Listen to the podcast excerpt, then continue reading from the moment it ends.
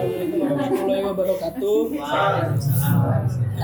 Salawat puji dan syukur senantiasa kita panjatkan kehadirat Allah Subhanahu wa taala karena berkat rahmatnya eh, kita semua bisa berkumpul di tempat yang berbahagia ini. Salawat serta salam tak lupa kita panjatkan kehadiran Nabi Allah Muhammad SAW beserta para sahabatnya yang telah menyelamatkan kita dari zaman jahiliyah, zaman kegelapan hingga ke zaman yang terang benderang saat ini. Alhamdulillah pada hari ini pada malam ini kita akan mendengarkan kajian mengenai HMI dalam menghadapi HMI dalam menghadapi modernisasi organisasi yang insya Allah akan dibawakan oleh Kakanda Arya Prima Putra sebagai pemateri yang alhamdulillah beliau telah ada di tengah-tengah kita. Langsung saja kepada pemateri waktu dan tempat dipersilakan. Assalamualaikum warahmatullahi wabarakatuh. Ada eh, sebelumnya terima kasih untuk eh, teman-teman telah menyempatkan waktunya untuk hadir dan juga untuk bidang kail yang telah mempercayai. Nah, eh, di sini pada malam hari kesempatan malam hari ini, sini saya akan membahas tentang eh, bagaimana HMI dalam menghadapi modernis- modernisasi organisasi. Eh, kenapa saya bahas ini? Sebenarnya untuk malam ini pun se- saya juga inginnya juga kajian kita ini sistemnya itu di- seperti diskusi lah. Karena memang HMI kondisi HMI sekarang ya kita sedang menghadapi perubahan zaman. Nah, karena eh, kalau kita breakdown dari awal HMI ini adalah sebuah organisasi. Nah, organisasi yang di mana eh, tempat kita berkumpul dalam mencapai tujuan bersama. Nah, adalah sebuah organisasi. HMI pun didirikan pada tahun 1000 5 Februari 1000 1947 dan di mana ketika 1947 kondisinya tidak tidak seperti sekarang toh. Tidak apa ya namanya? Eh, kalau mungkin dulu mungkin dulu orang mengajak kajian harus datang ke rumahnya atau gimana. Sekarang kita bisa ada ada apa teknologi lah yang mempermudah kita untuk untuk melan- melancarkan organisasi pengkaderan kita ini. Nah, dalam organisasi ada dua sistem. Yang pertama adalah sistem terbuka. Yang kedua ada sistem tertutup. Sistem tertutup, itu seperti eh, cocoknya dengan kondisi yang stabil. Maksudnya tingkat interaksinya ke lingkungan luar itu tidak terlalu tinggi. Sedangkan ketika sistem terbuka dalam sebuah organisasi yaitu bagaimana si organisasi ini berpengaruh ke, kepada lingkungan luarnya. Jadi maka itulah saya bisa menurut pandangan saya HMI ini sebagai organisasi yang sistem eh, menganut sistem terbuka karena ketika HMI ada HMI dapat merubah meru- merubah lingkungan sekitarnya. Seperti ketika HMI terbentuk pun memang itu tujuannya kan untuk membasmi membasmi apa ya? Meng, memberantas PKI betul kan. Ya lah ya. Memberantas PKI nah seperti fenomena fenomena api api lilin lah. Ketika di sebuah ruangan gelap ketika uh, sebuah lilin dinyalakan dia akan menerangi uh, ruangan tersebut. Seperti itulah HMI se- terbentuk. Masya Allah. Nah sekarang eh, yang saya yang saya lihat kita sekarang mungkin dalam generasi milen- milenial yang mungkin serba simpel, serba apa namanya? serba teknologi Eh, di sini ketika kita tidak mengem ketika HMI selalu memakai apa namanya selalu memakai sistem-sistem yang telah ada dan tidak meregenerasi sistem itu ya sis- HMI tidak bisa bisa kita bilang nan- nantinya akan ketertinggalan. Ketertinggalan dalam dalam eh, perkaderan dalam informasi dan lain-lain. Nah di sini kenapa saya bawa, bawa kajian ini ya menurut saya untuk kajian ini kita eh, semoga bisa menghadirkan solusi konkret. Apa yang bisa kita lakukan eh, dari komisariat kita sendiri untuk menghadap untuk menghadapi perubahan zaman itu? Useless. Nah. Eh,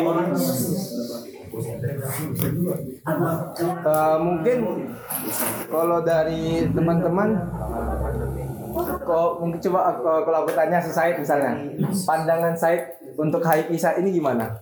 Maksudnya dalam artian eh, apa sih yang kurang di HIP dalam dalam sistem mo- modernisasi organisasinya gitu? Sedangkan organisasi modern ini kan organisasi yang meregenerasi apa ya yang yang selalu cepat tanggap untuk me- meregenerasi sesuai perubahan zaman. Itu teori organisasi modern. Menurut siapa itu ya? Menurut Berghuis tahun 1972 nah kalau menurut saya bagaimana? Eh, saya pengen juga ngel- ngeliat pandangan orang. Eh HIP ini apa sih sebenarnya apa? Bagaimana sih dalam menghadapi tantangan zaman?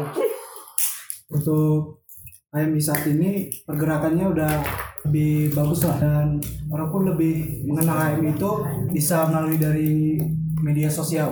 Sekarang ini kayak di Instagram eh, apalagi yang video kemarin itu ada dari kanal YouTube juga udah ada. Channel itu nah Bilang ya, apalagi video saya yang kemarin yang 15 detik itu cuma Waduh, itu yang video mungkin yang yang mungkin teman-teman lihat yang seperti yang Raja sampaikan eh, mungkin dalam se- sekarang kita udah bisa nge- wah membuat video untuk mengajak LK itu salah satu solusi konkret juga itu dalam pengkaderan gitu kan. Karena memang psikologi psikolog menurut saya psikologi psikologi orang zaman sekarang sudah lun- luntur untuk membaca panjang-panjang tapi lebih suka melihat gambar melihat apa namanya di desain apa mendesainnya secara simpel yang gampang ditangkap di otaknya.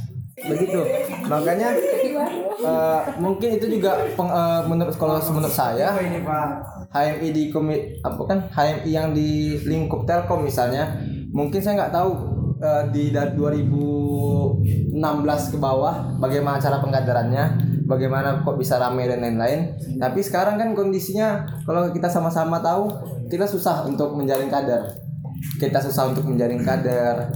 Kita harus tarik-tarikan lah harus jemput bola lah harus maksa-maksa kadang-kadang yang di lapangan sekarang. Kalau memang itu yang terjadi karena kalau menurut saya orang itu nggak tahu gitu. Sebenarnya hype ini apa sih gitu? Nah bagaimana caranya kita dengan teknologi zaman sekarang untuk menyampaikan pesan-pesan tujuan-tujuan HMI bagaimana solusi konkretnya agar si orang teman-teman ini yang belum menjadi kader HMI cepat tangkap gitu? Eh, oh ternyata HMI ini seperti ini loh gitu. Nah kalau di era teknologi informasi HMI saat, saat ini organisasi modern or- organisasi HMI ini setahu saya sudah sudah mulai sudah mulai eh, mengadakan sebuah langkah-langkah konkret lah sudah membuat sebuah apa namanya kalau di teknologi ini aplikasi-aplikasi seperti HMI Apps, HMI TV, HMI apa lagi? HMI digital. Nah, belum. Podcast cuma kayak- podcast seperti podcast kayaknya cuma di komisar kita sepertinya. SoundCloud, SoundCloud dulu. Sobat lagu bro.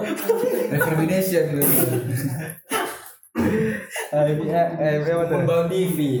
Nah, ini se- seharusnya yang harus kita perjuangkan kita perjuangkan dalam artian eh, ide-ide ini sudah ada dalam di di PB mungkin di pengurus besar HMI tapi belum dija- di- dijalankan secara maksimal.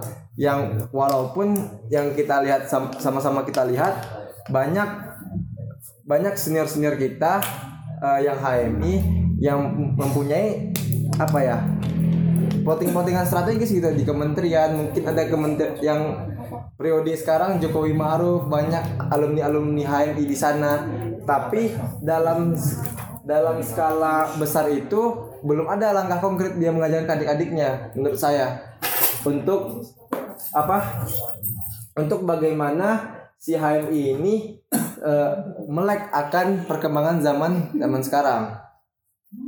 Nah, ya dan diskusi ini pun bertujuan ya daripada kita mengharapkan apa ya mengharapkan orang-orang di luar sana yang mengerjakan itu.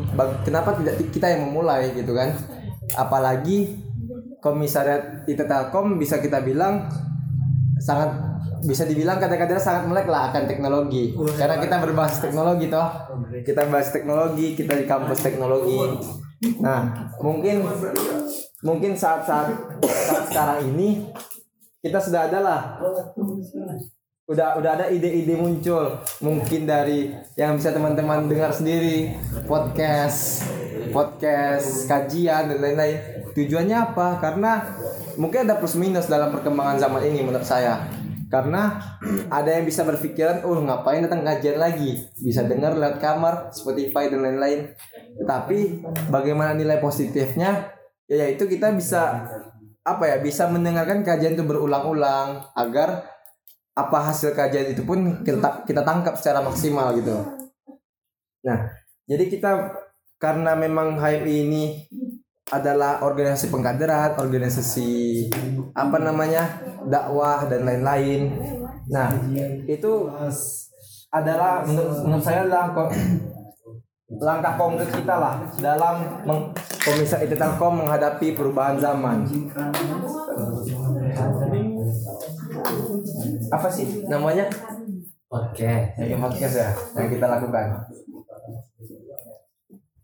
Nah, coba kalau misalnya aku tanya siapa ya?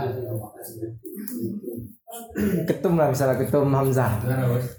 Nah, eh, kalau menurut kalau Hamzah sekarang ini lebih suka baca buku atau PDF? Tidak dua-dua. saya pikir saya pikir dengan jabatan ketum baca chat pas Baca chat, banyak senior Baca ada RT. baca DRT. baca situasi paling penting senang ya kan mana juga sehari kesehariannya barang saya jadi mana kan saya bacanya PDF. Nah, PDF. Nah,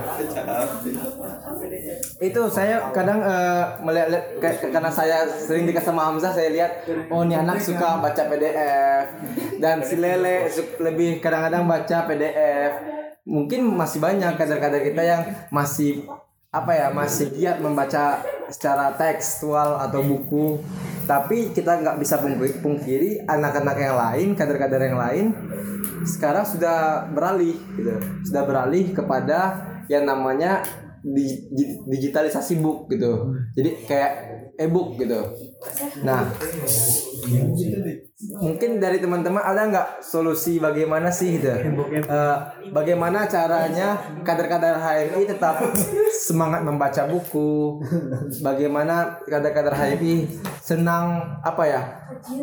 Setiap hari itu minimal baca buku lah walaupun tidak di tidak dalam berbentuk buku atau PDF gitu kan. Nah menurut teman-teman ada nggak saran gitu? Ya Ari jadi eh, terima kasih waktu jadi eh, kita kembalikan lagi ke tujuan HMI jadi Hmm. tujuan HMI itu kan terbinanya insan akademis pencipta pengabdi yang bernafaskan Islam dan bertanggung jawab untuk menciptakan masyarakat adil dan makmur yang diridai oleh Allah SWT. Kalau kita lihat eh, dari eh, misi HMI itu sebenarnya eh, terkait dengan bagaimana solusi eh, untuk eh, apa namanya menumbuhkan minat baca kader-kader HMI. Eh, sebenarnya yang saya lihat sekarang perkembangan HMI dalam eh, menghadapi modern organisasi memang adanya disorientasi. Jadi kita juga tidak bisa membohongi faktanya banyak orang ber-HMI ya untuk mungkin kepentingan-kepentingan praktis itu yang ini itu yang harus kita inikan. Itu yang harus memang eh, kita sikapi sekarang. Tapi kalau untuk mau menumbuhkan minat baca ya menurut saya yang harus pertama diingat dalami kembali makna-makna tujuan HMI apa-apa makna yang terkandung dalam nilai-nilai dasar perjuangan yang ada delapan bab bagaimana kader HMI eh, ber, menjadi individu dan masyarakat bagaimana dia hubungan dengan Tuhannya bagaimana dia dengan sesama manusia. Nah kalau itu dia sudah pahami saya yakin itu secara tidak langsung akan eh, teraktualisasi dengan bagaimana dia mengaktualis mengaktualisasikan peran dia di masyarakat.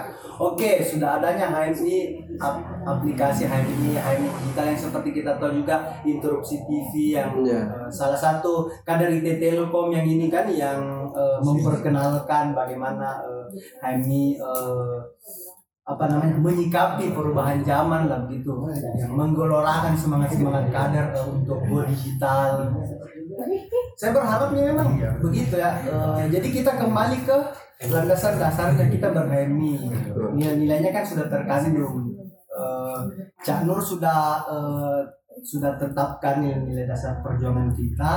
Dan itu menjadi pedoman eh, kader HMI di mana pun dia berada. Bahkan dia di luar negeri pun itu pedoman dia berHMI itu bedanya HMI dengan organisasi lain. Nah tinggal bagaimana mengaktualisasikan mengimplementasikan nilai-nilai itu.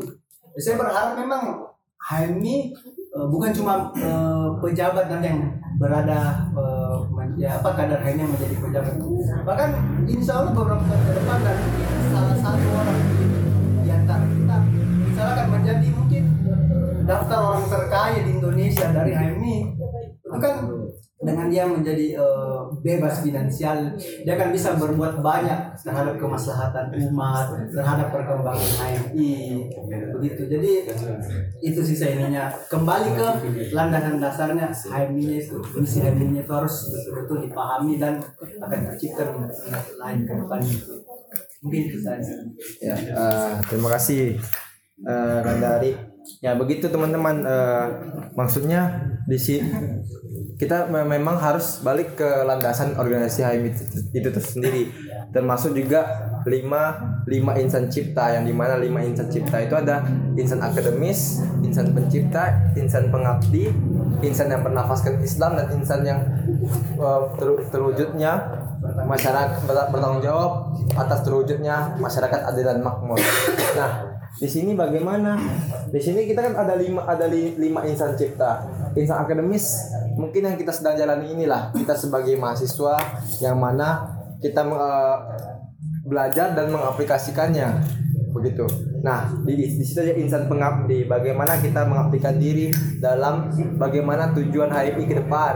Nah, di situ juga ada insan pencipta. Bagaimana kita bisa menciptakan lapangan kerja baru itu termasuk insan pencipta. Bagaimana kita menciptakan untuk kebermanfaatan HMI dan umat masyarakat.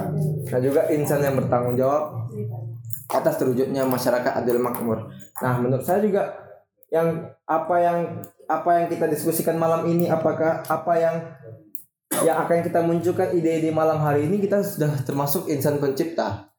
Bagaimana kita eh, jadi kita sudah memasuki eh, ke kategori ketiga dalam insan cipta HMI, insan pencipta. Bagaimana ya betul katakan dari tadi, bagaimana ada eh, senior komisaris kita yang menjadi insan pen- pencipta dalam membuat apa namanya saluran informasi baru gitu kan? Interupsi TV yang bagaimana nantinya informasi apa diskusi-diskusi da- dalam interupsi itu dapat kita amini sampai sekarang gitu.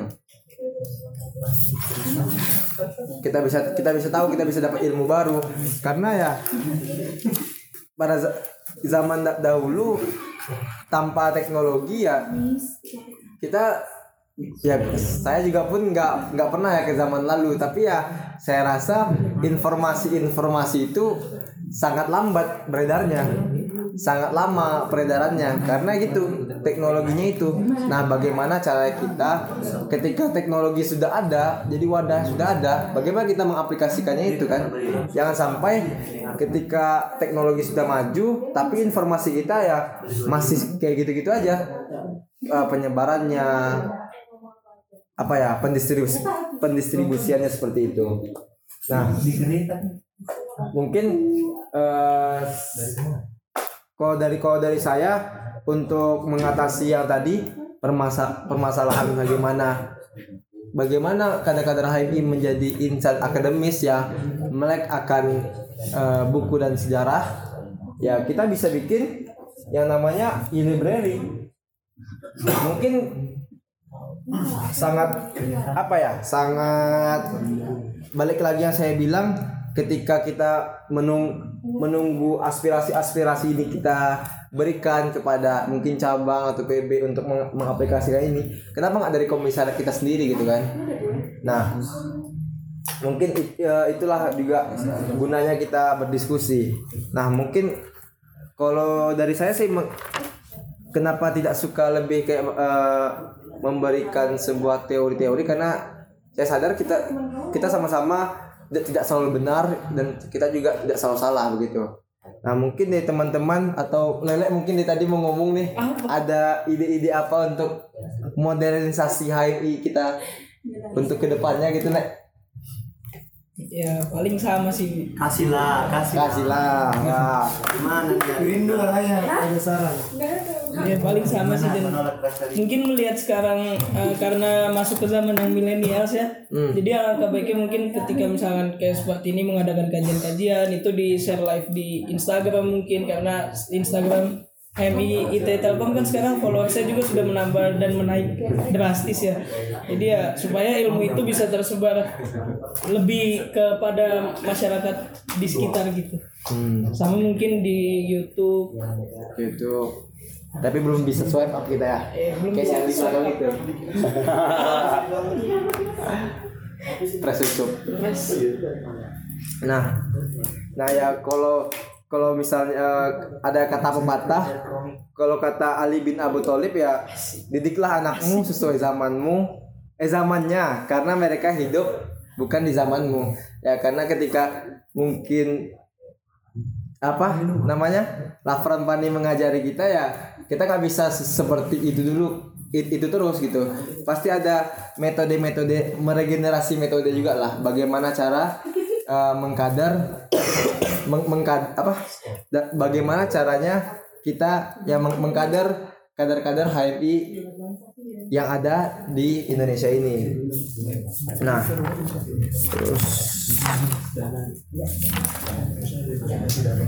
Ya, kesimpulannya kesimpulannya kalau dari mal- dari malam hari ini singkat saja sebelum ma- masuk ke sesi tanya jawab atau sambil berdiskusi lagi apa terobosan-terobosan kita ke depannya dalam menghadapi modernisasi organisasi ini, menghadapi tantangan revolusi 4.0. Ya, organisasi modern ini ya, apa yang saya bilang tadi seperti fenomena api api yang api lilin yang menyala dalam sebuah ruangan yang gelap bagaimana si HMI ini ketika berdiri kita bisa memberikan kebermanfaatan ke ke orang banyak ke masyarakat luas yang bisa menerangi ruang ruangan yang gelap. Nah dan dalam teori organisasi modern itu memang organisasi sebagai satu kesatuan yang saling bergantung dan tidak bisa dipisahkan. Dan juga bagaimana HMI selalu walaupun kita memode apa? Walaupun HMI itu akan apa namanya mungkin metode-metode yang berbeda tapi yang satu yang harus teman-teman ingat yang harus eh, teman-teman ingat bahwasannya ketika kita merubah metode bukan meru- merubah sih ketika kita meningkatkan atau meregenerasi metode-metode atau sistem-sistem yang ada jangan lupa dengan eh, budaya yang ada landasan ideologi yang ada di HMI yang telah diciptakan oleh Lafron Pane dan orang-orang terdahulu kita. Mungkin itu kesimpulan dari saya. Terus eh, apa lagi? Tanya jawab lagi. Ya saya tutup dulu ya. Ya lebih dan kurang mohon maaf. Assalamualaikum warahmatullahi wabarakatuh. Moderator moderator moderator. Sabar ya belum oh iya Ya untuk selanjutnya mungkin masuk ke sesi tanya jawab bagi yang ingin bertanya silakan. Iya. nggak tanya jawab sih tak diskusi diskusi sama Ayo nggak mau bertanya sih. lebih diskusi Mau Ah, gimana, gimana? Mau ngebaca dulu. Ah, sorry, sorry. Dulu, dulu. Agak 15 menit lah nih berarti ya. Ya, gimana? Agak 15 menit lah berarti 15 menit. Enggak lah di kolom dekonya Eh, pantun saya itu. itu. Pantun saya itu. Ya baik baik. Ya. Halo. Eh tema hari ini lumayan bagus ya ini dalam menghadapi modernisasi organisasi. Eh, jadi kalau dari yang pribadi sih sebenarnya sesuai dengan yang dibisikin tadi Bang Koto. jadi poin penting soalnya yang harus kita garis bawahi adalah modernisasi organisasi yang menghadapi modernisasi organisasi di mana secara substansial eh HMI itu adalah kebermanfaatan yang dituangkan dalam lima insan cita tadi.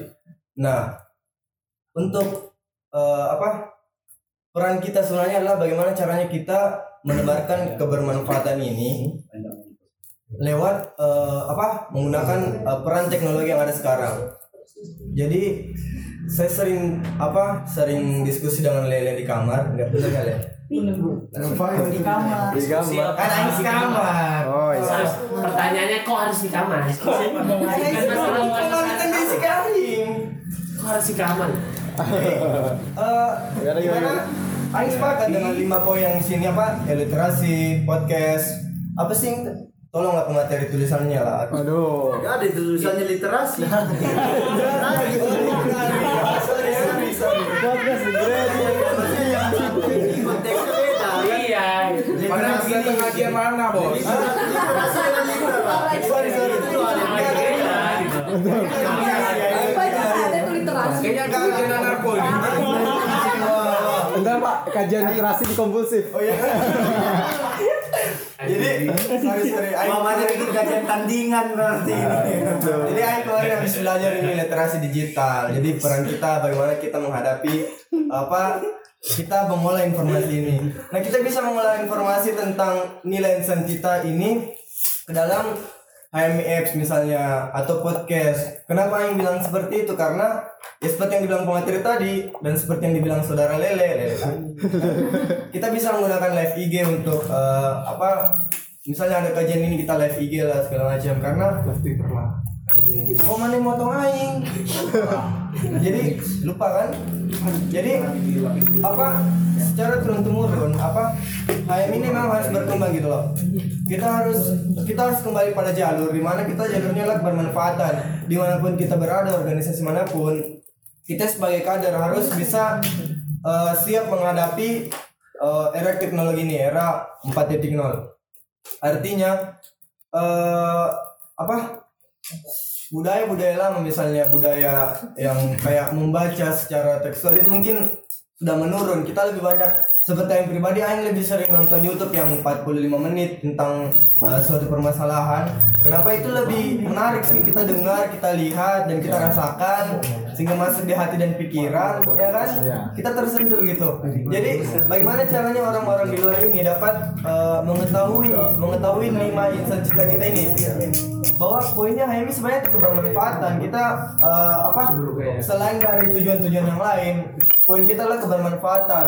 Di mana pun kita berada ya apa di organisasi yang kita pegang itu cuma apa? Itu bagaikan bus itu bagaikan kendaraan kita untuk menaungkan kebermanfaatan ini. Nah poinnya poinnya adalah kalau Aing pribadi ya Aing sepakat ketika kita harus menciptakan apps baru untuk HMI Telkom.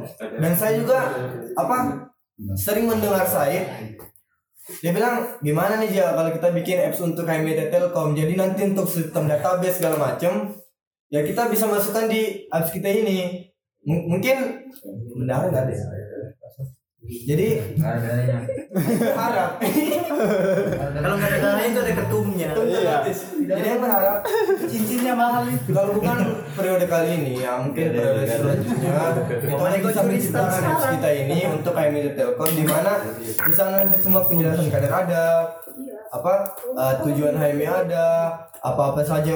Termasuk buku kan kan kemarin kita masukin di grup tuh masalah buku segala macam. Ya kita bisa masukin ke situ. Nanti di sana juga ada video-video pendek tentang suatu permasalahan atau kajian yang kita bawa Nah itu aja lah Neng.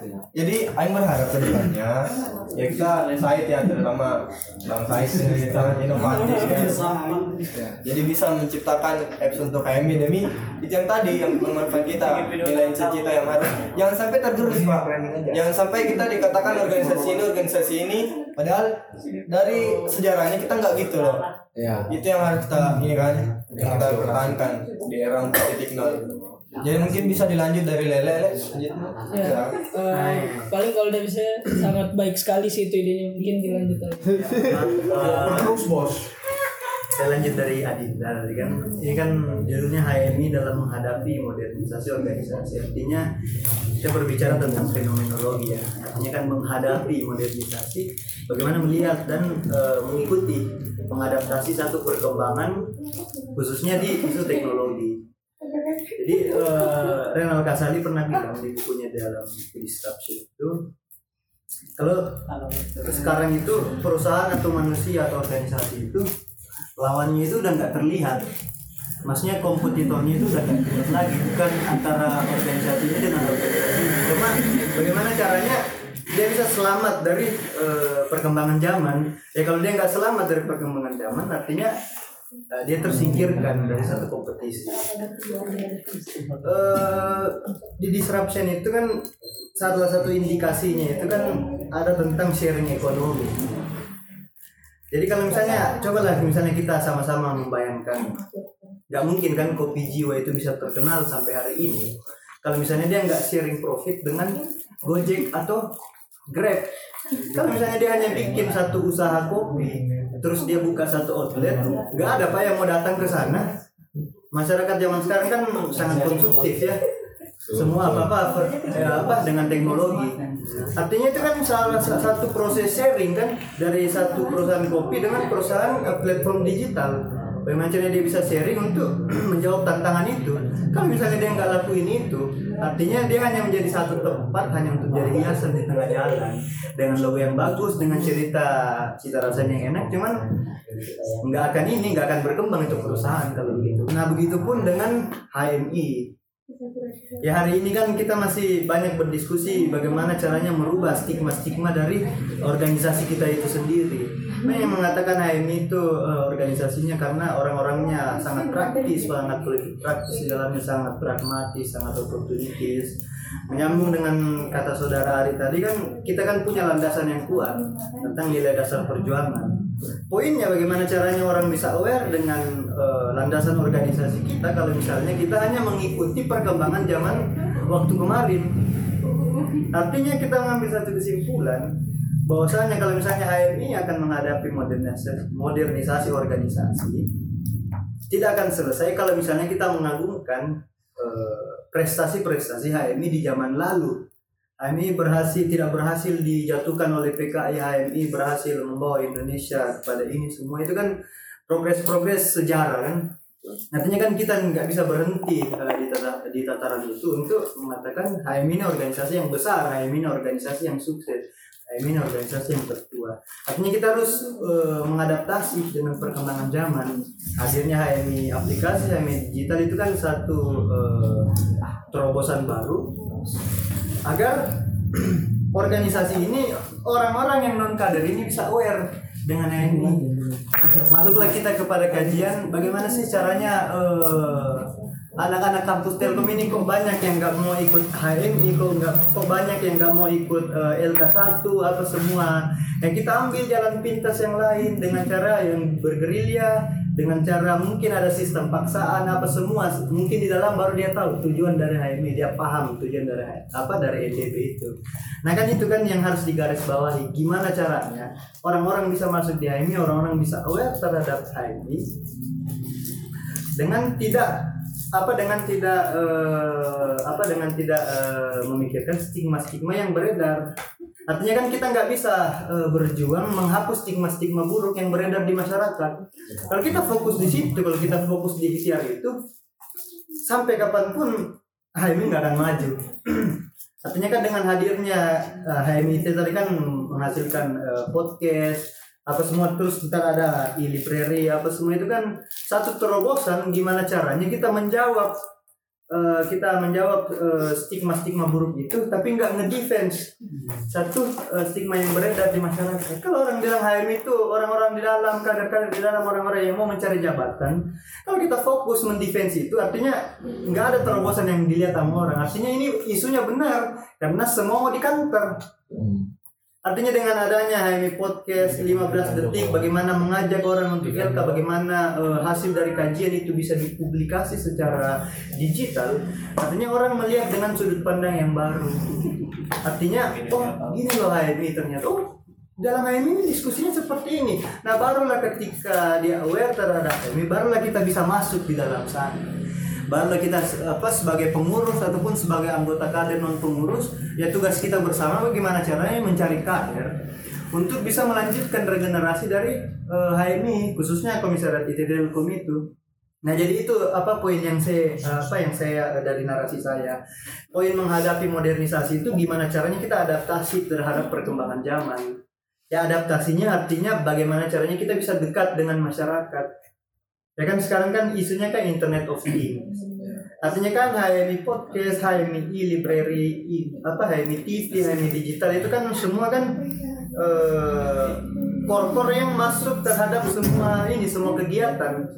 HMI Shop ekonomi. artinya artinya ber, artinya selesailah selesailah apa selesailah selesailah kita eh, berdebat permasalahan masalah stigma. Karena kita udah punya solusi. Kita ada solusi yang kita tawarkan terhadap eh, mahasiswa. Bahwasanya inilah perkembangan yang dihasilkan dari HMI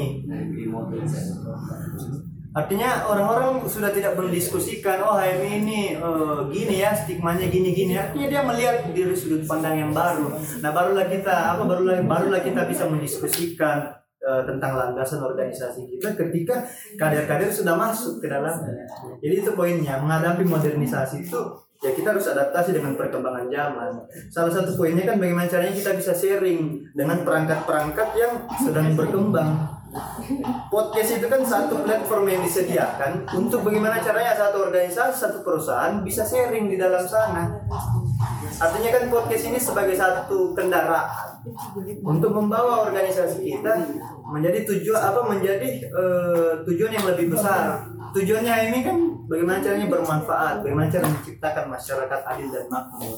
Di mana lima insan cipta, lima insan cipta tadi kita diskusikan tadi itu semua bisa berkembang kalau misalnya kita adaptasi dengan perkembangan zaman. Makanya saya sepakat dengan poin diskusinya ini dalam menghadapi modernisasi organisasi.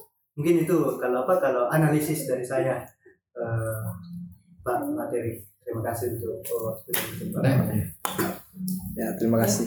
Ya begitu eh, berbicara tentang berbicara tentang stigma-stigma orang awam dengan H- dengan HMI pada saat sekarang ini eh, tidak lepas mungkin teman-teman ketahui juga HMI ini cuma hanya sebagai organisasi politik, organisasi pragmatis dan lain-lain. Nah, maka dari itu ya bagaimana kita sebagai kita juga kita juga sebagai syarat untuk masuk HMI kan mas kita harus berlabel sebagai mahasiswa. Yang mana peran mahasiswa di sana pun peran mahasiswa yang yang kita ketahui juga sebagai agent of change. Bagaimana kita bisa memberikan terobosan-terobosan baru, kita ber- beradaptasi, kita bisa membuat sebuah revolusi dalam dal- dalam bidang industri. Bagaimana kita bisa menye- kita bisa memberikan kebermanfaatan bukan hanya dari dari segi, dari segi pergerakan, dari segi keilmuan, apalagi memang HMI ini eh, tujuan dari HMI pun tidak lepas dalam pencerdasan pen- pencerdasan umat. Nah, menurut saya eh, menurut saya saya, saya sepakat eh, kalau misalnya kita berbicara tentang stigma-stigma itu. Nah, ba- eh, bagaimana seka- sekarang bagaimana kita menjaga ke- ke- kekompakan kita, kesulitan kita eh, dalam bersama-sama untuk menciptakan itu, menciptakan hawa-hawa hype ini yang lebih segar gitu dari segi keilmuan dan, dan dalam segi pergerakan. Nah, mungkin ada yang ingin berdiskusi berpendapat lagi ya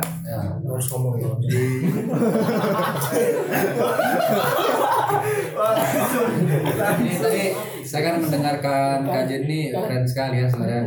Nah, cuma tadi kan Pak Materi sempat menyinggung permasalahan beradaptasi di era 4.0 ya. Betul. Jadi berbicara masalah adaptasi di era industri 4.0 ini bukan berbicara masalah eh, apa bukan hanya sekedar kita bikin aplikasi menurut saya pribadi. Jadi ada hal-hal yang besar di luar daripada itu gitu.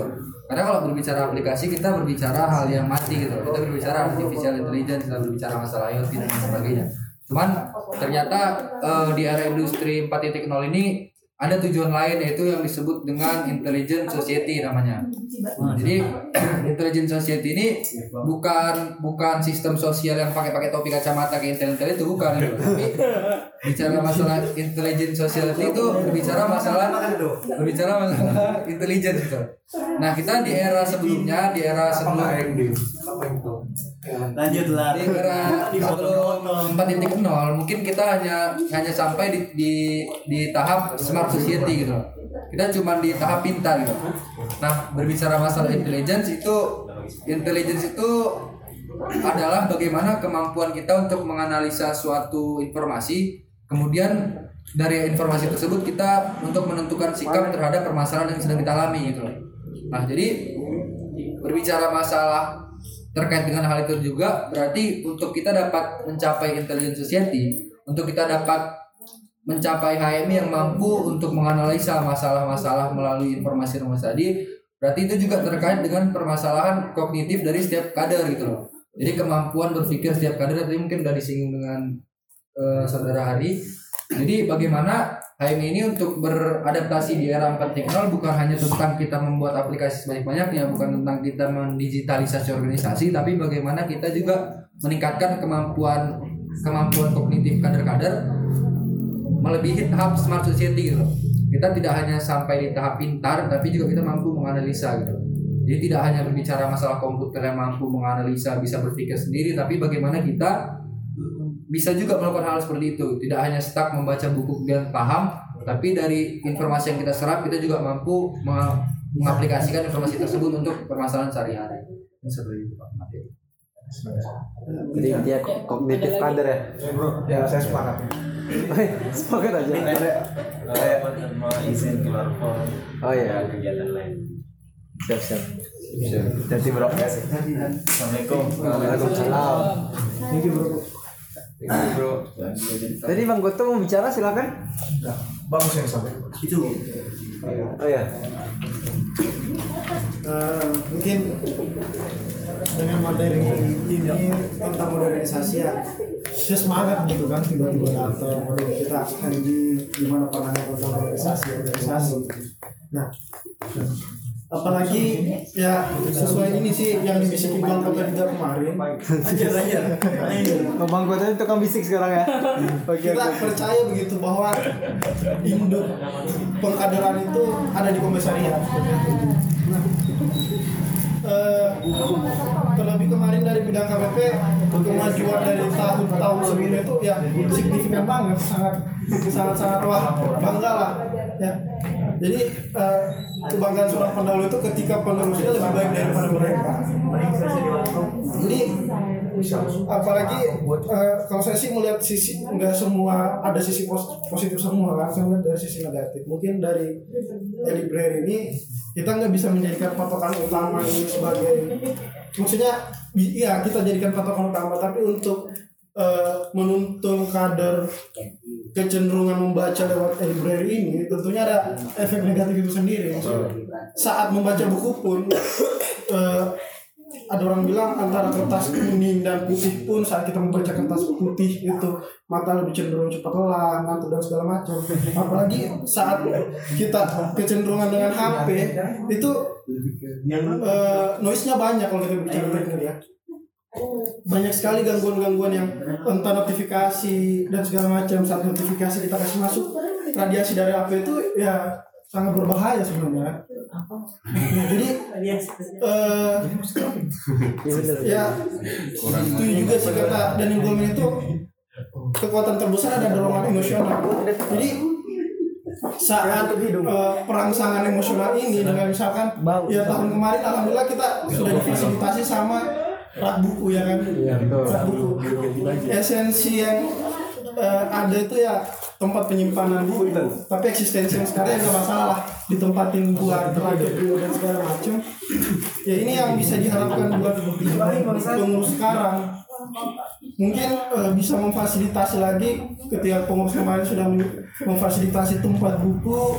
Ya mungkin pengurus sekarang bisa adalah buku-buku sehingga kader-kader baru kader eh, kader nanti yang eh, baru masuk ke rumah kita ya kan? melihat wah ilmu ini banyak sekali terpajang ya kan? Alangkah ruginya saya ketika tidak memanfaatkan ilmu itu sendiri. Soalnya kalau ya kita me- kita mengharapkan kajian-kajian kajian ya, kajian itu akan teringat ketika kita berada di situ ketika keluar dan sudah berbaur ke circle masing-masing lagi itu akan kekurangan hilang ya. jadi ya itu maksudnya di luar modernisasi yang kita bangga-banggakan ini ada backupan yang eh, maksudnya budaya-budaya tradisional yang berdampak positif itu kita nggak hilangkan juga. Nah itu mungkin memfasilitasi kader-kader dengan eh, rangsangan emosional sehingga menciptakan kekuatan kekuatan besar begitu bagi eh, kader-kader ke depan.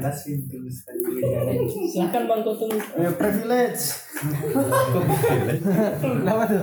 Langsung kaget aja. Sebenarnya saya mau bertanya nih, apa masalahnya antara HMI dengan modernisasi organisasi ini? Kenapa harus dihadapi? Apa? Karena papasan tuh. Jadi memang harus berhadapan. Karena dia papasan. Jadi ya sapa aja. Tapi ini kan dihadapi. Berarti ada sesuatu yang Ada sesuatu bermasalah. Apa yang salah dengan modernisasi organisasi sampai harus kita hadapi? Ya, jadi tadi kan Bang udah diberikan juga bagaimana HMI dalam menghadapi modernisasi organisasi. Tadi kita juga sudah membahas HMI inilah sebuah organisasi. Nah, dan juga dalam perkembangan zaman kita harus mengikuti juga teori organisasi modern. Ya. Yang bagaimana kita tidak hanya terpaku dengan sistem-sistem yang lama, Nah, sistem-sistem. nah itu saya tidak sepakat. HMI sebagai organisasi mahasiswa pertama di Indonesia Islam. Boleh boleh masuk. Oke. Makanya kenapa harus kita yang meniru organisasi modern? Berarti saudara pemateri ini mengatakan bahwa HMI ini tidak fleksibel. Ya, Makanya harus meniru organisasi modern. ya. Sedangkan HMI menurut saya fleksibel. Di dalam NDP pun sudah cukup mencakup tentang apa yang terjadi sekarang. Jadi untuk apa kita modernisasi organisasi lagi? Atau mengikuti organisasi modern? Ya. Apa tujuannya? Kenapa tidak konvensionalisasi organisasi? Eh saudara dia.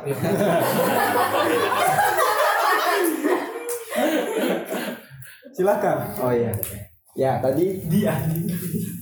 Bukan, jadi kita ber- berbicara tentang HMI memang HMI itu secara di NDP juga di keadilan sosial pun kita lihat memang HMI ini fleksibel tapi ya bagi bagi bagaimana ya? Inilah gunanya diskusi ini bagaimana caranya HMI secara fleksibel mengikuti pengaruh zaman gitu. Karena ketika misalnya HM, HMI hanya ter eh, Oke, memang NDP itu membahas bukan hanya untuk ja- bukan jangka pendek, bukan jangka pendek NDP itu, tapi jangka panjang bagaimana landasan ideologi kita Nah di sana. itu yang salah tuh di situ. Kenapa HMI mengikuti pengaruh zaman? Sedangkan HMI itu organisasi independen, tidak terpengaruh dong harusnya. Ya, Ya, iya dia yang harus mempengaruhi zaman. Nah kita kita melihat kita melihat gini tuh, kita melihat realitanya bagaimana ketika kita tidak mengikuti eh, mengikuti zaman. Ya. Nah mungkin tadi saya sudah lemparkan juga, saya tidak tahu lah mungkin di 2016 kat. Nah, saya order berarti judul kajian malam ini bukan menghadapi modernisasi organisasi, tapi membuat zaman. Atau HMI dalam mempengaruhi zaman. Bagaimana langkah-langkah yang dilakukan HMI kan, kan tadi realitasnya HMI tidak begitu. Ya. Makanya HMI harus mengikuti zaman. Ya kan enggak. Bagaimana caranya HMI yang mempengaruhi zamannya? Bagaimana cara memperbaiki HMI-nya supaya HMI yang berpengaruh, bukan terpengaruh? Ya. Itu bro. Bagaimana pendapat Bang Koto? Ya saya order hapus postingan di IG semua yang posting.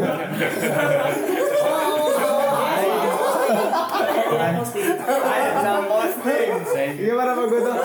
Dalam tentang tadi poinnya kan HMI harus mempengaruhi zaman. Bagaimana? Ya, Menurut Bang saya mulai dari yang paling terakhir tadi ordernya untuk menghapus di tweet, eh, di Karena saya rasa ini tidak merangkul kader. Saya tidak menggunakan IG, kenapa tidak beralih ke Twitter? Juga pengguna IG yang beralih ke Twitter. Nah, itu bisa dijadikan pertimbangan ya. Dan Twitter sekarang sudah ada fitur live, jadi kalau mau live bisa di Twitter juga. Ini adalah contoh kader yang tidak tidak mengikuti zaman ini. Nah itu. Bukan tidak mau, tapi harus difilter. Kita membuat apa ya? Ini masalah nilai-nilai, bos. Nah, Ya. itu kita. Oh, saya, ya. saya singgung kita masuk ke- kemudian ke Nilai-nilai. argumentasi dari seorang Thomas D. Iya. Dia dia nggak bisa menjual visual soalnya.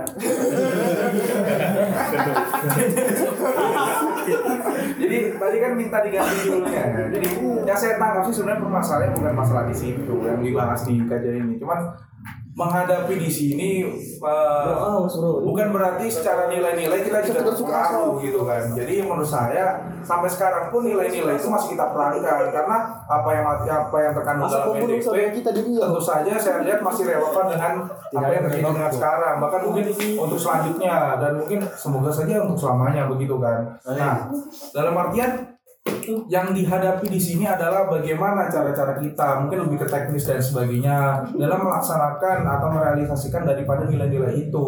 Entah dalam hal perekrutan kader entah penyebaran ilmu kemudian eh, upgrade dari masing-masing kader dan sebagainya. Tapi secara nilai-nilai itu tidak dirubah begitu. Jadi kalau mau dirubah ya saya Iya betul. Jadi kita tambahkan saja di aplikasi Gojek Go HMI. Iya. Nanti ada ini. Sudah. Tapi kalau menurut saya tadi itu untuk nilai-nilai tidak terpengaruh. Betul. Jadi bagaimanapun zaman yang jelas jangan sampai itu merubah nilai-nilai dari apa yang kita anut selama ini. Untuk hal teknisnya tidak masalah karena emang itu hal yang eh, sangat universal yang memang kita mau tidak mau harus mengikuti. Tapi nilai-nilainya tentu saja harus tetap dipertahankan karena saya rasa pasti masih relevan sampai sekarang. Saya rasa saudara ini cocok jadi kabit P3A. Ya memang. Alhamdulillah percaya tapi gagal. Dari argumennya cocok. Bukan gagal saudara. Kurang berhasil. Kurang maksimal. Betul. Kalau gagal mah gak berhasil bro. Lu kok jadi merendah gitu kok. Kok jadi mana yang pancing aja? Kok jadi sensitif gini sih pembahasan? Udah lanjutkan. Ya. Kikram. Nah, sama tadi yang dibahas Ikram juga saya ingin menanggapi sedikit ya. Jadi maksudnya tadi kan melalui masalah e-library ya, masalah itu. Nah, jadi memang dalam menghadapi zaman dan melihat beberapa eh, berbagai macam problem, kita itu tidak bisa melihat ya dari satu sudut pandang dan juga tidak bisa kita menjadi orang yang kemudian istilah saklek atau mungkin terlalu kaku. Jadi memang kita harus melihat dari berbagai macam sudut pandang.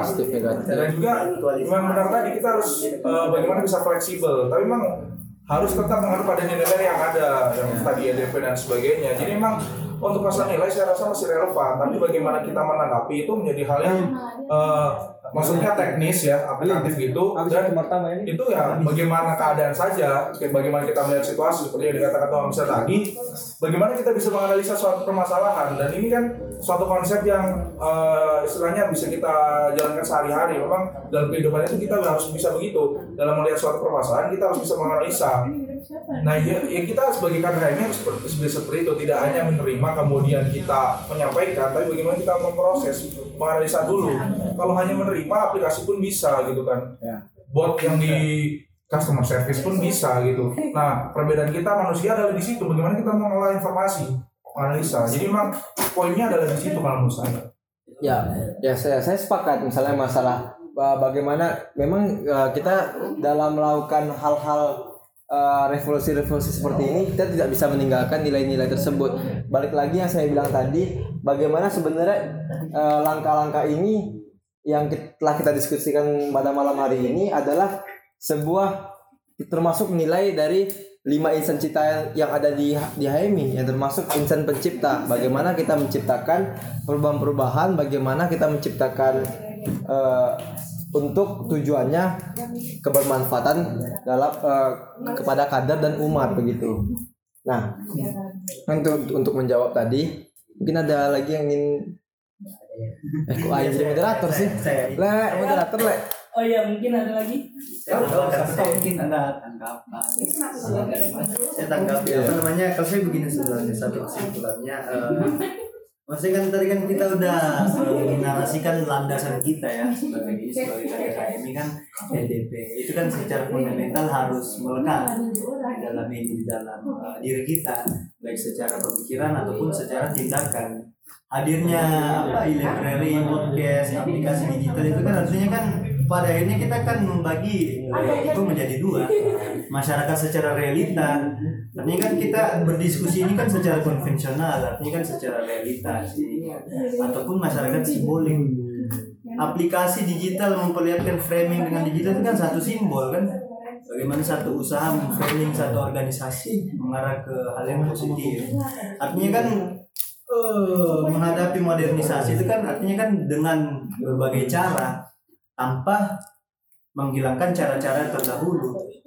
Nah ini secara realitas kan kita tidak bisa ini kita tidak bisa eh, melupakan cara-cara seperti itu. Bagaimana eh, kader-kader HMI dalam eh, berdialektika, bagaimana anak-anak HMI dalam ini, kader-kader dalam ini, semua itu kan tetap harus berjalan. Ataupun secara simbolik juga, secara digitalisasi juga harus berjalan juga. Artinya kan emang harus berjalan beriringan dua-duanya. Nggak bisa kita berjalan secara simbolik melupakan realitanya. Nggak bisa kita secara realita melupakan digitalisasi atau simboliknya. Jadi emang harus apa harus eh, berjalan secara dua-duanya. Pun kalau misalnya tadi dikatakan kalau misalnya HMI terpengaruh menurut saya kita yang mempengaruhi zaman juga. Soalnya kan landasan kita kan udah kuat kan. Keadilan sosial di dalam NTB itu kan jelas ininya. Jelas poin-poinnya. Jadi emang itu apa menghadapi modernisasi organisasi ini kan juga pada akhirnya kan kita eh, apa kita kan melihat pada teori modernisasi organisasi. Cuman itu kan hanya sebagai seba, apa sebatas satu rujukan, satu definisi atau batasan sampai di mana kata modernisasi menurut satu teori atau menurut satu orang. Ya poinnya kan secara realitanya kita harus menjalankan eh, tahap-tahapnya. Secara realitanya HMI dari eh, 47 sampai 2019 itu caranya harus berjalan ataupun secara simboliknya yang kita jelasin tadi digital, HMI TV, HMI podcast itu kan harus berjalan juga. Jadi kita berjalan eh, dengan eh, dengan eh, mengikuti perkembangan zaman bukan dengan terpengaruh. Terpengaruh itu kan artinya kan eh, ada yang mempengaruhi tanpa pertimbangan matang. Saya pikir kalau secara ini secara rasionalisasi nah ini ya cukup inilah cukup mumpuni lah ya kalau dibilang gitu. Makanya saya mengambil satu kesimpulan ya kita nggak bisa meninggalkan hal-hal yang kemarin udah terlaksana dari zaman Lafran Pan sampai sekarang itu. Ya tetap harus dijalankan dengan satu landasan yang kuat secara NDP ataupun secara simboliknya atau cyber society-nya juga harus berjalan juga. Karena ya zaman sekarang kan zaman eh, yang apa-apa serba eh, teknologi. Nah itu kan harus berjalan juga. Kalau nggak berjalan itu artinya kita menjalankan satu organisasi, kita menjalankan satu uh, ideologi kita secara konvensional. Artinya mungkin di ruang-ruang tertentu kita uh, apa namanya kita uh, apa namanya sebutannya ya kita tidak berjalan. Berjalan secara ideal.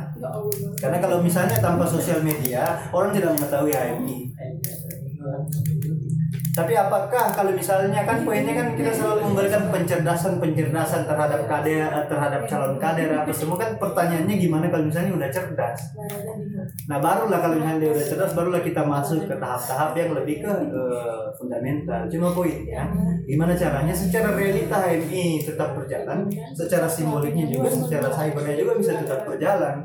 Artinya kan kita kita tidak mengurangi nilai-nilai eh, apa nilai-nilai yang lain justru kita menambah value-value yang lain sehingga organisasi kita berjalan lebih eh, maksimal ke depannya menghadap dengan menghadapi modernisasi bukan dengan argumentasi terpengaruh dengan eh, zaman mungkin begitu Pak materi atau moderator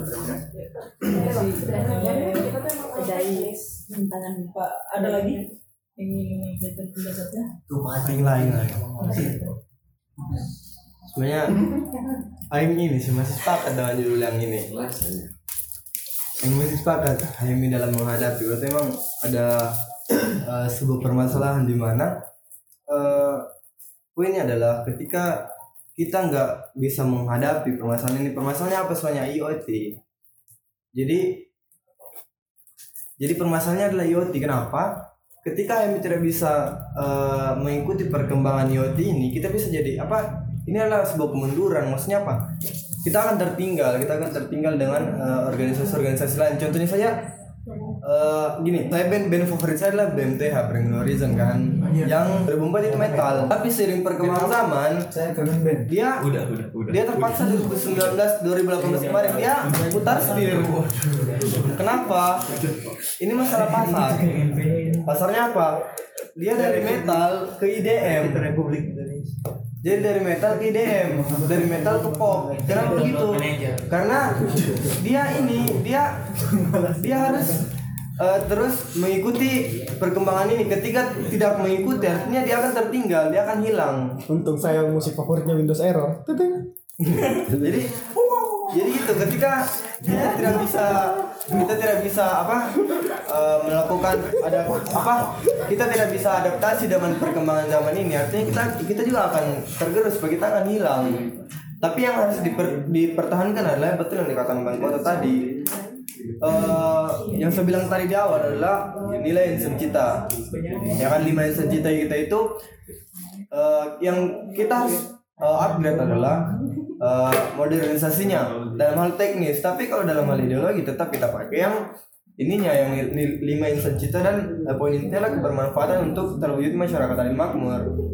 Jadi teknis kita tetap mengikuti zaman dan eh, secara ideologi kita masih tetap memakai karena betul yang dikatakan Bang Thomas B tadi kita ini fleksibel dalam hal ideologi tapi kalau secara teknis kita harus mengikuti mengikuti perkembangan aplikasi IoT dan segala macam gitu loh jadi judul yang sekarang ini ya benar karena emang ada masalah ketika kita nggak mengikuti modernisasi organisasi Itu dulu kan dalam judulnya kan nggak ada kata terpengaruh. iya nggak ada menghadapi aja masalah Ini kan bentuk kepedulian menghadapi kan artinya kan mencoba adaptasi. Iya, maksudnya kan modernisasi organisasi kan kita nggak ngebahas masalah eh, ideologi kita, gimana caranya eh, biar modern. enggak Ya cuma kan bagaimana perkembangan model organisasinya bisa mengikuti perkembangan zaman.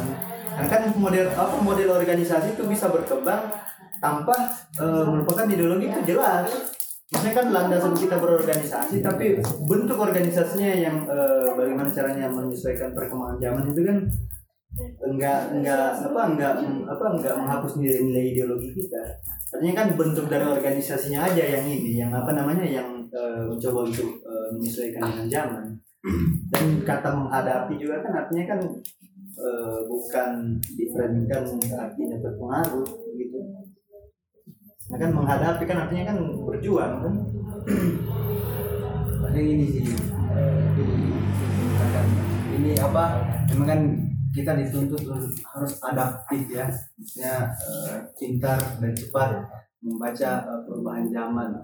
Saya pikir dengan hadirnya HMI aplikasi digital itu memang kan suatu eh, penciptaan infrastruktur bagaimana eh, suatu kader bisa memanfaatkan itu. Jadi maksudnya ya ke depannya nggak cuma terciptanya ini maksudnya kan infrastrukturnya sudah ada nih digital aplikasi podcast ya harapannya bagaimana kan eh, secara jangka panjangnya bagaimana kita mengisinya itu dengan eh, mungkin eh, materi-materi yang setidaknya adaptif terhadap perkembangan zaman dan juga diharapkan dengan eh, sudah suatu infrastruktur akan hadirnya dan akan terciptanya lagi kader-kader yang mungkin akan lebih sering menulis eh, apa namanya eh, me- apa memberikan suatu eh, pengaruh dari tulisannya terhadap perkembangan zaman.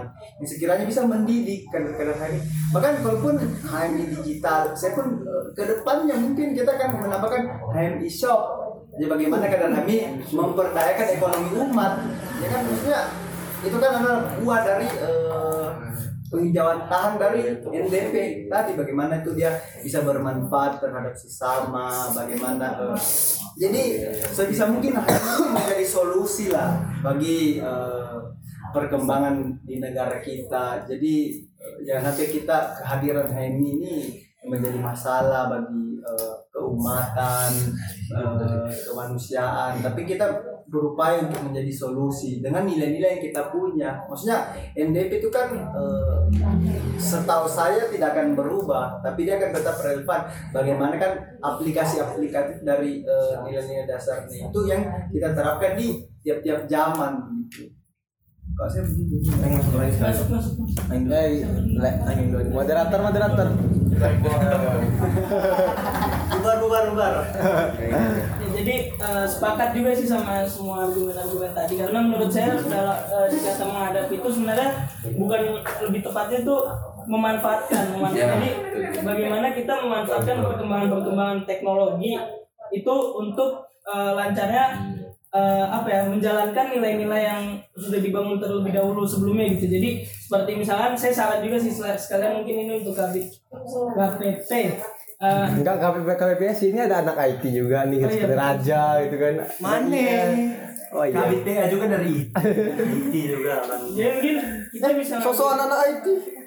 Masuk lab nggak kalian? Alhamdulillah masuk tadi. Yang masuk. Aing masuk tadi. Masuk lab dong. Lanjut. Medias Ya, lab. lanjut. mungkin bisa mengambil contoh aplikasi Halodoc mungkin yang kayak itu kan Kalau anjing. Ini halo dong kan. Ini kan Kenapa kok merasa tersapa? Ya.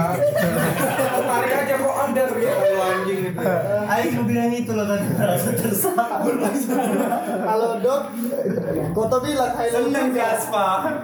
Merasa tersapa. kalau misalkan kita lihat aplikasi Halo Dokter ini kan kayak aplikasi cepat, cepat tanggap kayak eh, mengenai hal kesehatan kan jadi misalkan kita kayak Kayaknya Lele sering pakai ya.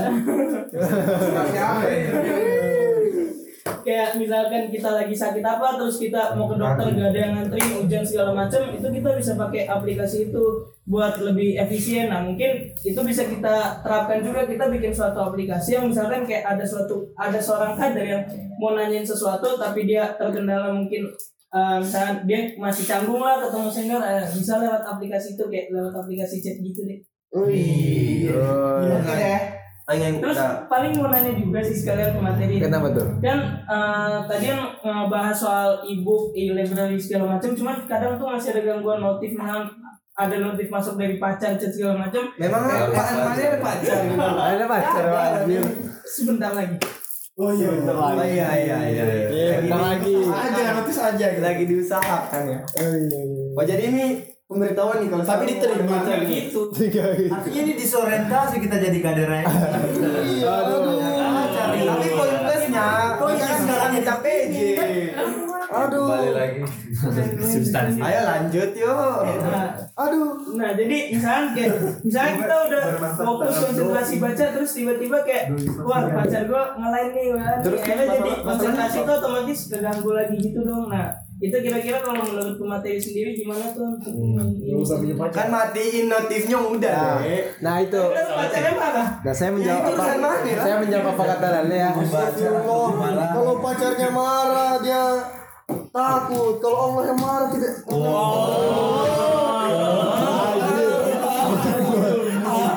Mas Tuhan anjir. Pacar itu udah jadi togut gitu. Jangan suka jangan suka curi situasi. Allah Kasih memanggil untuk sholat gitu. misalnya. Tidak datang, tidak takut Allah marah. Opportunity banget ini Sekarang Tuan Lila ada tiga yang di atas HP sama pacar. Aduh. Tuh, ada tuh. Itu pun kalau yang di atas masih dianggap Tuhan. Kalau yang jawab Tuhan di samping saya gimana? Gitu lagi. Ya itu le, maksudnya tadi kan kita sudah berbicara, maksudnya kita di sini adalah langkah-langkah teknis, tapi jangan kita lupakan eh, nilai-nilai apa apa tujuan kita sebenarnya untuk membaca buku dan lain-lain. Nah, dan kita juga tidak bisa melupakan eh, bagaimana kita harus meningkatkan ranc- rancangan emosi kita tadi, emosional kita. Nah, ketika kita ber- berbicara tentang emosional, maksudnya ketika kita memang berniat untuk membaca buku, tetapi masih misalnya misalnya lu nih, misalnya lu malas untuk baca buku, lo harus beli buku lagi dan lain-lain dan mungkin ada e-library ini gitu kan misalnya. Nah, kita nggak bisa semata-mata langsung baca PDF tapi tanpa usaha yang lain. Betul tadi, kita harus merancang emosi kita bagaimana kita terfokus terhadap tujuan kita. Kita tujuan kita baca buku ya otomatis bagaimana usahanya ya dengan mematikan notif, dengan mematikan apa saja yang dalam mengganggu kegiatan kita dalam membaca buku seperti itu. Cuman e-library ini hanya apa ya? Lebih ke menggam apa ya? Bukan menggampang. Ya, solusi alternatif lah. ketika ketika kita mungkin ada ada hujan mungkin kan nggak nggak bisa beli buku tapi ada PDF itulah alternatifnya. Jangan jadikan itu sebagai patokan juga tapi alternatif. Nah begitu. Nah, menanggapi bu e-book nih. Ya. Eh, bagaimana sama dengan eh, gratis yang download secara ilegal? Apakah itu tidak menyalahi atau Nah, ya. Saya pikir sudah melenceng. nah paling nggak Aing mau menambahkan gini. Eh, Aing jadi jadi jadi kepikiran Aing mungkin kan dah Setuju sama mana bang? Yang setuju sama Iya betul betul. Ayo juga kemarin eh, mungkin diskusi juga ada ide-ide yang muncul juga. gue saya pengalaman juga ketika misal ketika gue sekarang kan tahun 2019 dan gue di gue LK tahun 2018 Maret Yang kedua Maret Maret 2018 itu LK satu kemarin. Nah tapi sampai sekarang nam, seben- eh, di menurut database itu nama gue tuh belum ada di LK di IT ini gitu. Jadi gue sebenarnya bukan anak kader IT seca- se- secara database. Nah, gue berpikiran ketika kalau misalnya kita mau tahu? Bagian P3-nya. ya apa tuh? Siapa ketumnya? Itu sebenarnya pemikiran ya bagaimana caranya kita selalu up to date Ten- ten- tentang bagaimana kata-kata kita gitu kan. Karena kata-kata ini pun memang sejatinya suka untuk dianggap gitu kan. Nah ketika kita memunculkan kata kata anggota mungkin lebih bagus.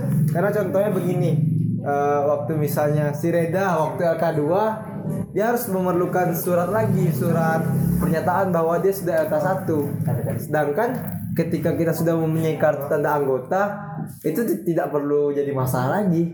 Karena sudah terdaftar menjadi eh, sudah terdaftar menjadi HMI begitu kan.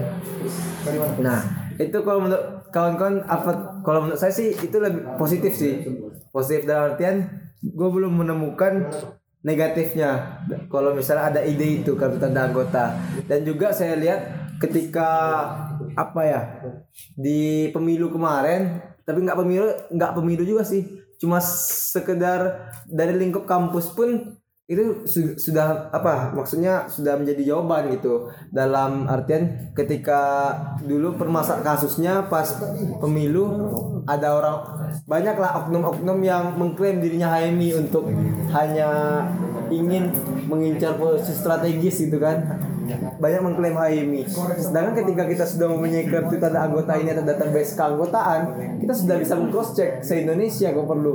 Misalnya kita ke eh, saya ke Makassar saya ingin tahu siapa sih yang ada di Makassar kita, kita tinggal klik dan lain-lain positif dan sekitar kam dan se dan dalam lingkup kampus pun tidak ada tidak ada lagi yang eh, apa kata-kata klaim-klaiman tuh nggak ada nggak ada lagi kalau misalnya sudah ada kartu tanda anggota ini Klaim-klaiman ya. mungkin tuh ide apa ide dan aspirasinya untuk saya juga sih sebagai bintang Terkait. Aing mau Mau belokin ini sih. moderator sob moderator ya moderator dulu ya nggak moderator yang menentukan aduh aduh parah Ayo mau otoriter dong, ayo punya acara. ayo moderator gimana tuh pilih tapi ya silakan Ayo mau otoriter. ayo otoriter dong punya rumah Nah, itu. Saya kira. Ya, jadi ya terkait sih maksudnya ya setuju juga tadi kata Lele wah Aing sekarang bangga sama keluar kamu yang Ya lu punya Bandung lah. Nah, jadi eh, pemanfaatan itu ya kita kaji juga kan? maksudnya apa yang bisa kita manfaatkan dari eh,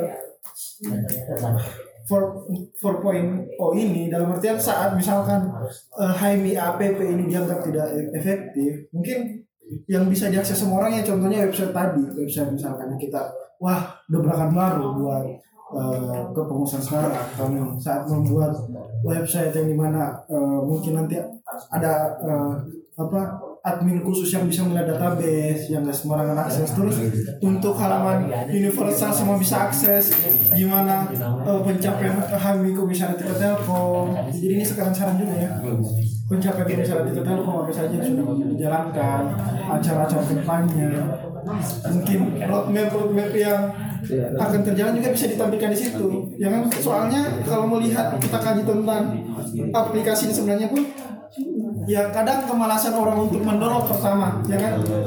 Kedua itu pema- pemanfaatannya itu sendiri mungkin kadang ada aplikasi yang eh, harus kita mendaftar lagi ya kan? Dan banyak lah step by step sehingga kita bisa masuk ke dalam itu. Tapi untuk fitur website yang eh, bisa menaikkan eksistensi komisariat kita sendiri yang bisa diakses secara universal ya. Dan database-nya khusus admin misalkan ya. Tanpa perlu mengeluarkan biaya lebih untuk kartu tanda anggota yang ujung-ujungnya nanti rusak rusak nggak kepake dan segala macam ya kan? Nah itu sih maksudnya dobrakan-dobrakan baru ya setuju juga tentang eh, materi kali ini. Ini ini yang ya bagus lah Jangan sambil kita kaji gimana eh, komisariat kita ke depannya, apa yang untuk perkembangan eksistensi HMI Telkom, kayak gitu. Itu website itu ya salah satu pen- penunjang saya. Jadi mungkin Aing uh, sedikit uh, di luar konteks pembahasan ya. Cuma ada hal yang apa yang perlu kita garis bawahi sekarang itu apa? Literasi digital. Literasi digital itu apa? Kemampuan kita untuk mengolah informasi yang ada di IoT, di internet. Nah itu yang harus uh, kader juga tingkatkan sih masalah tentang literasi digital ini. Kenapa? Uh, dalam internet semua itu orang bisa mengakses, semua orang bisa menulis.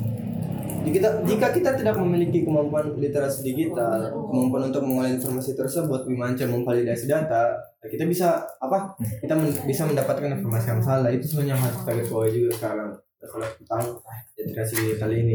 Ada beberapa hal yang eh, poin penting dalam literasi digital, misalnya dalam segi penulisan siapa yang menulis, kapan informasi keluar.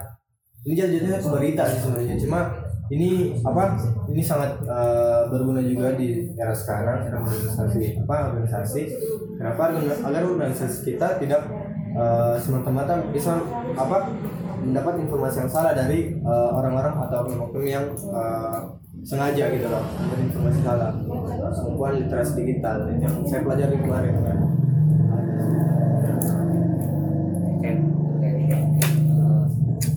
Mungkin eh, kalau dari saya pribadi ya saya sepakat itu loh mendapatkan anda semua eh, tentang eh, permasalahan modernisasi digital pada saat sekarang udah masuk 4.0 dan bahkan di Jepang pun sudah masuk 5.0 gitu loh. Maksudnya di sudah sudah menyentuh OTW 5.0 gitu. Sedangkan kita masih eh, terbentur dengan keadaan kita sehingga kita masih dibatasi 4.0 mungkin poinnya bukan di situ sih bang ya.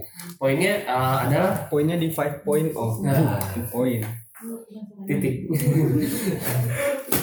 gitu Uh, maksud saya ya memang tepat kita butuh uh, dengan seperti kita di Komsat ada HMI podcast itu ya bentuk uh, kita untuk menunjukkan aksi kita untuk menunjukkan bagaimana kita uh, melihat keadaan zaman ini gitu loh. Kan di lima insan cita pun tidak tidak ada uh, insan pembaca buku ti- tidak ada kata-kata seperti itu. Tapi insan akademis artinya kita kembangkan akademis apa sih yang bisa kita uh, kita dapatkan itu kita bisa membaca buku dalam bentuk apa pun. Kita pun tadi sepakat dengan raja kita lebih uh, dia lebih enak uh, untuk nonton YouTube yang secara visual dan secara uh, kita bisa mendengarkan bagaimana gitu lebih menarik. Mungkin hal seperti itu yang bisa bisa maksudnya bentuk bentuk uh, kita menghadapinya gitu bentuk actionnya. Memang secara nilai kita tidak uh, itu nilai yang sangat cocok dari dahulu sekarang dan hingga masa depan gitu maksudnya nilai-nilai yang ada di, pada NDP gitu.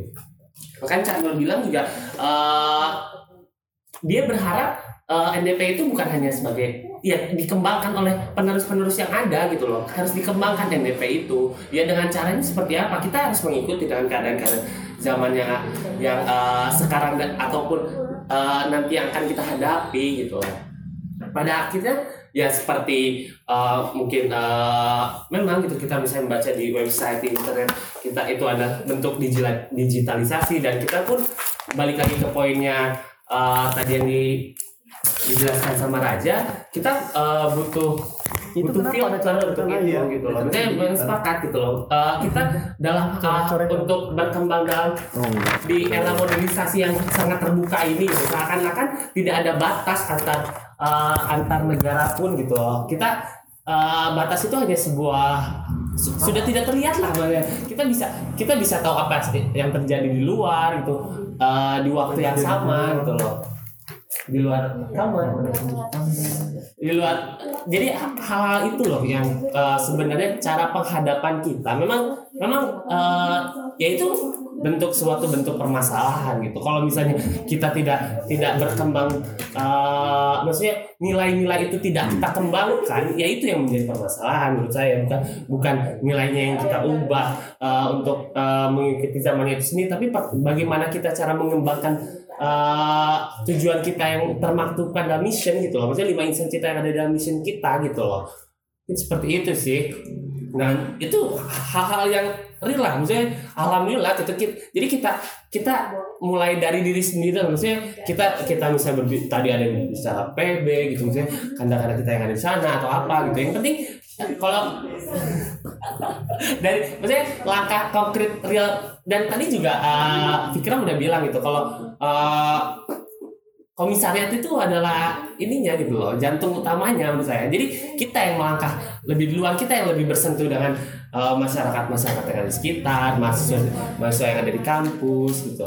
Jadi bentuk bentuk seperti HMI podcast yang kita lakukan mungkin itu yang saya lihat itu pertama di di cabang Bandung malah menurut saya mungkin di di luar pun saya tidak menemukan gitu loh saya saya sempat nge-search uh, yang ada di Spotify nggak ada gitu loh uh, uh, HMI pun gitu mungkin itu hal-hal yang uh, kalau kalau kata saya ingat kata uh, kata Panji Panji Pragiwaksono Keren anti manusia ular. Waduh.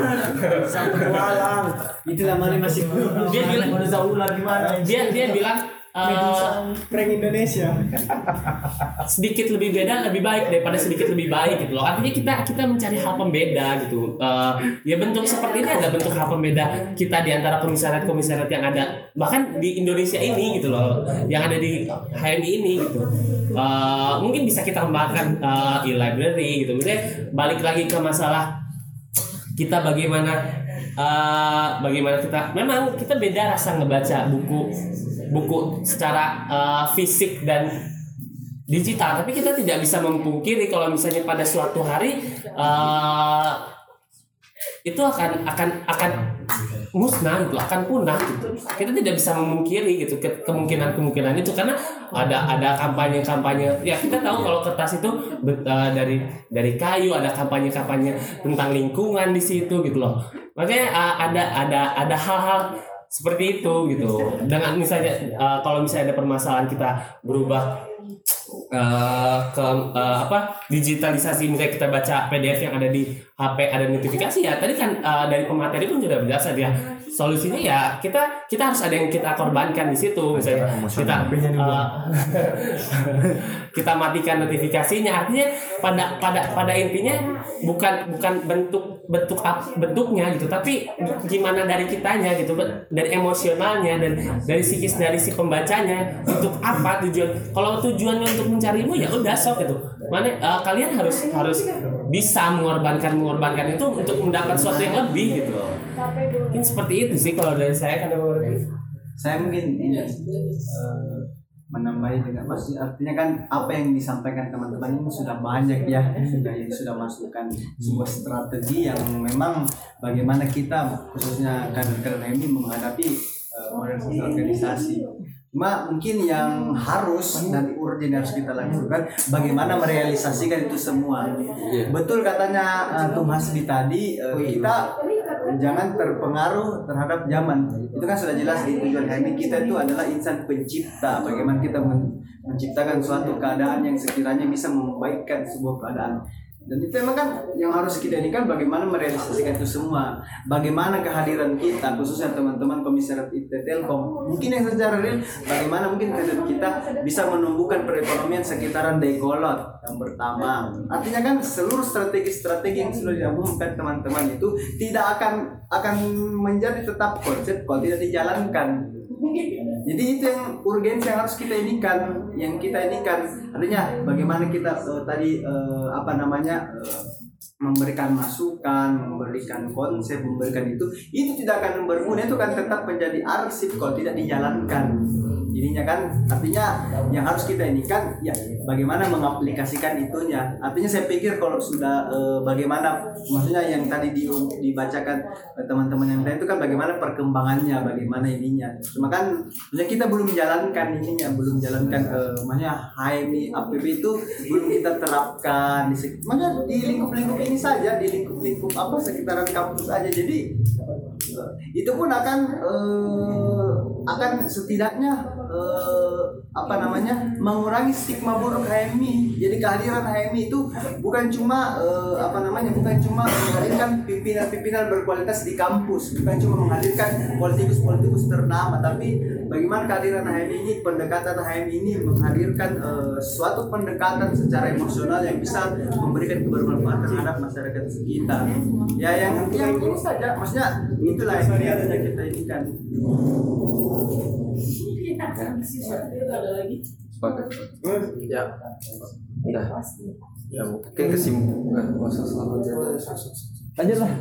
ya paling itu sih maksudnya eh saya harus menyampaikan sesuatu juga kita perlu betul-betul pertimbangan strong atau komunitasnya Ya, seperti itu. Eh, pengkajian betul-betul kita kaji apakah eh, teknologi yang ada saat ini untuk diciptakan untuk kader-kader kita nanti tuh berjalan dengan efisien ataukah malah sebaliknya gitu ya seperti dibilang anak-anak itu itu aja sebenarnya eh, tidak serta merta filteringnya itu oh segini aja udah cukup bla bla bla tapi betul-betul pengalamannya tuh ya kayak ya seperti yang saya bilang tadi tentang kita oke untuk eh, kelebihan dari HMI eh, APP ini bagus banget tapi kita lihat tugasnya gimana? Apakah kita lihat kekurangan bukan serta merta kita stuck di situ tapi untuk memunculkan ide-ide baru dasar-dasar baru jadi itu sih mungkin juga saran ke untuk materi-materi selanjutnya. Jangan berputar sama eh, strongnya aja tapi kita perlu perhatikan request dari apa yang kita eh, lemparkan gitu. Jadi dan itu bisa jadi eh, inputan buat baru Cuma mungkin buat eh, bidang-bidang yang berkaitan Bukan kesimpulan tuh. kesimpulan dari Aing lah. dari pemateri cuman ya mungkin sedikit menambahkan. Misalnya sebenarnya ya sama semua kita hadir di sini kan sepakat bahwa sebenarnya bagaimana HMI ini menghadapi modernisasi dalam artian kan apa yang budaya HMI, apa kebiasaan kader-kader, apa yang menjadi nilai-nilai yang selalu kita anut itu ya sebagaimana pada tempatnya, cuman kondisinya adalah ketika eh, munculnya mulai media sosial, munculnya mulai eh, apa digitalisasi yang dibahas. Terus kemudian ada pengalaman-pengalaman baru ketika kita bermain media sosial, misalnya kita bermain IG, misalnya kita dengerin podcast, cuman kok dalam kita bermain ini nggak ada HMI-nya. Nah makanya di situ kita pengalaman baru itulah yang menghasilkan oh kita harus bikin podcast, oh kita harus sering posting di IG. Nah hal-hal itulah yang akhirnya HMI bisa hadir. Menjadi wujud dari modernisasi organisasi. Ya mungkin hal-hal ini sebenarnya lebih ke aplikatif ya. Dan ya dari saya pribadi pun mengapresiasi bagaimana kepengurusan ini. Ada namanya podcast harapannya ini menjadi konsi- eh, bisa konsisten. Karena untuk konsisten itu perlu ikhtiar yang terus menerus nah makanya ya mungkin kesimpulan ya kalau bisa saya menyimpulkan ya bagaimana kita tetap dengan kebiasaan kita namun tetap juga mampu meng ya, utilize bahasa Inggrisnya memanfaatkan eh, zaman untuk ya HMI tetap bergerak pun bisa menjadikan ruang baru untuk bergerak. Ya itu mungkin. Mungkin eh, untuk eh, penutup mungkin silakan pemateri bisa memberikan kesimpulan dan closing statement Ya mungkin eh, untuk kesimpulan pada malam hari ini pada apa? Pada Jemaat HMI dalam menghadapi mode, mode, modernisasi organisasi yaitu bagaimana kita bisa menjawab tantangan zaman yang di mana eh, apa landasan ideologi kita yang ada yang tercantum pada NDP 8 bab dan nilai-nilai insan cita yang sudah ada memang di HMI sejak dulu tidak tidak luntur dan eh, dan nilai-nilai inilah yang untuk mempengaruhi zaman kalau kita bisa bilang dan bagaimana cara kita mengaplikasikan nilai-nilai tersebut agar tidak hanya sebagai teori saja gitu bukannya bukan hanya sebagai teori saja tapi kita bisa aplikasikannya dalam bentuk strategi-strategi kita bagaimana HIV tetap dalam garis organisasi pengkaderan dan kebermanfaatan bagi umat kader dan umat. Nah juga eh, catatan juga ketika ketika kita menunggu menunggu nunggu apa ya maksudnya komisariat ini adalah jantung jantungnya yang di mana kita komisariat kalau daripada kita nunggu nunggu orang mending ya kita dari dari kita dari kita dulu. Dari kita dulu dari komisariat dulu yang menjalankan itu. Mungkin eh, komisariat malah bisa menjadi cerminan bagi eh, sekelas cabang dan lain-lain gitu kan. Nah karena yang memang induk dari pengkaderan itu yang paling ber- berpengaruh memang dari komisariat. Nah eh, terakhir lagi. Ya, ya ter- ter- terakhir bagaimana kita bersama-sama memberikan ide dan berdiskusi ria, jangan sampai jangan sampai gara-gara eh, dengan ide-ide kita ini malah menghilangkan budaya-budaya tadi. Ket- Ketika ada podcast kita jadi kehilangan bagaimana budaya berdialektika kita dengan gara jangan gara-gara library kita menurunkan budaya kita membaca buku. Nah jangan sampai intinya jangan sampai menghilangkan budaya bu- budaya dan nilai organisasi kita ini. Nah mungkin sekian dari saya. Eh, mohon maaf jika ada kesalahan kata lebih dan kurang mohon maaf yakinkan dengan iman usahakan dengan ilmu sampaikan dengan amal yakin usaha sampai wassalamualaikum warahmatullahi wabarakatuh Waalaikumsalam. Mantap, mantap. Ya, terima kasih kepada pemateri sangat bermanfaat sekali ilmunya. Allah. mungkin diskusi ya diskusinya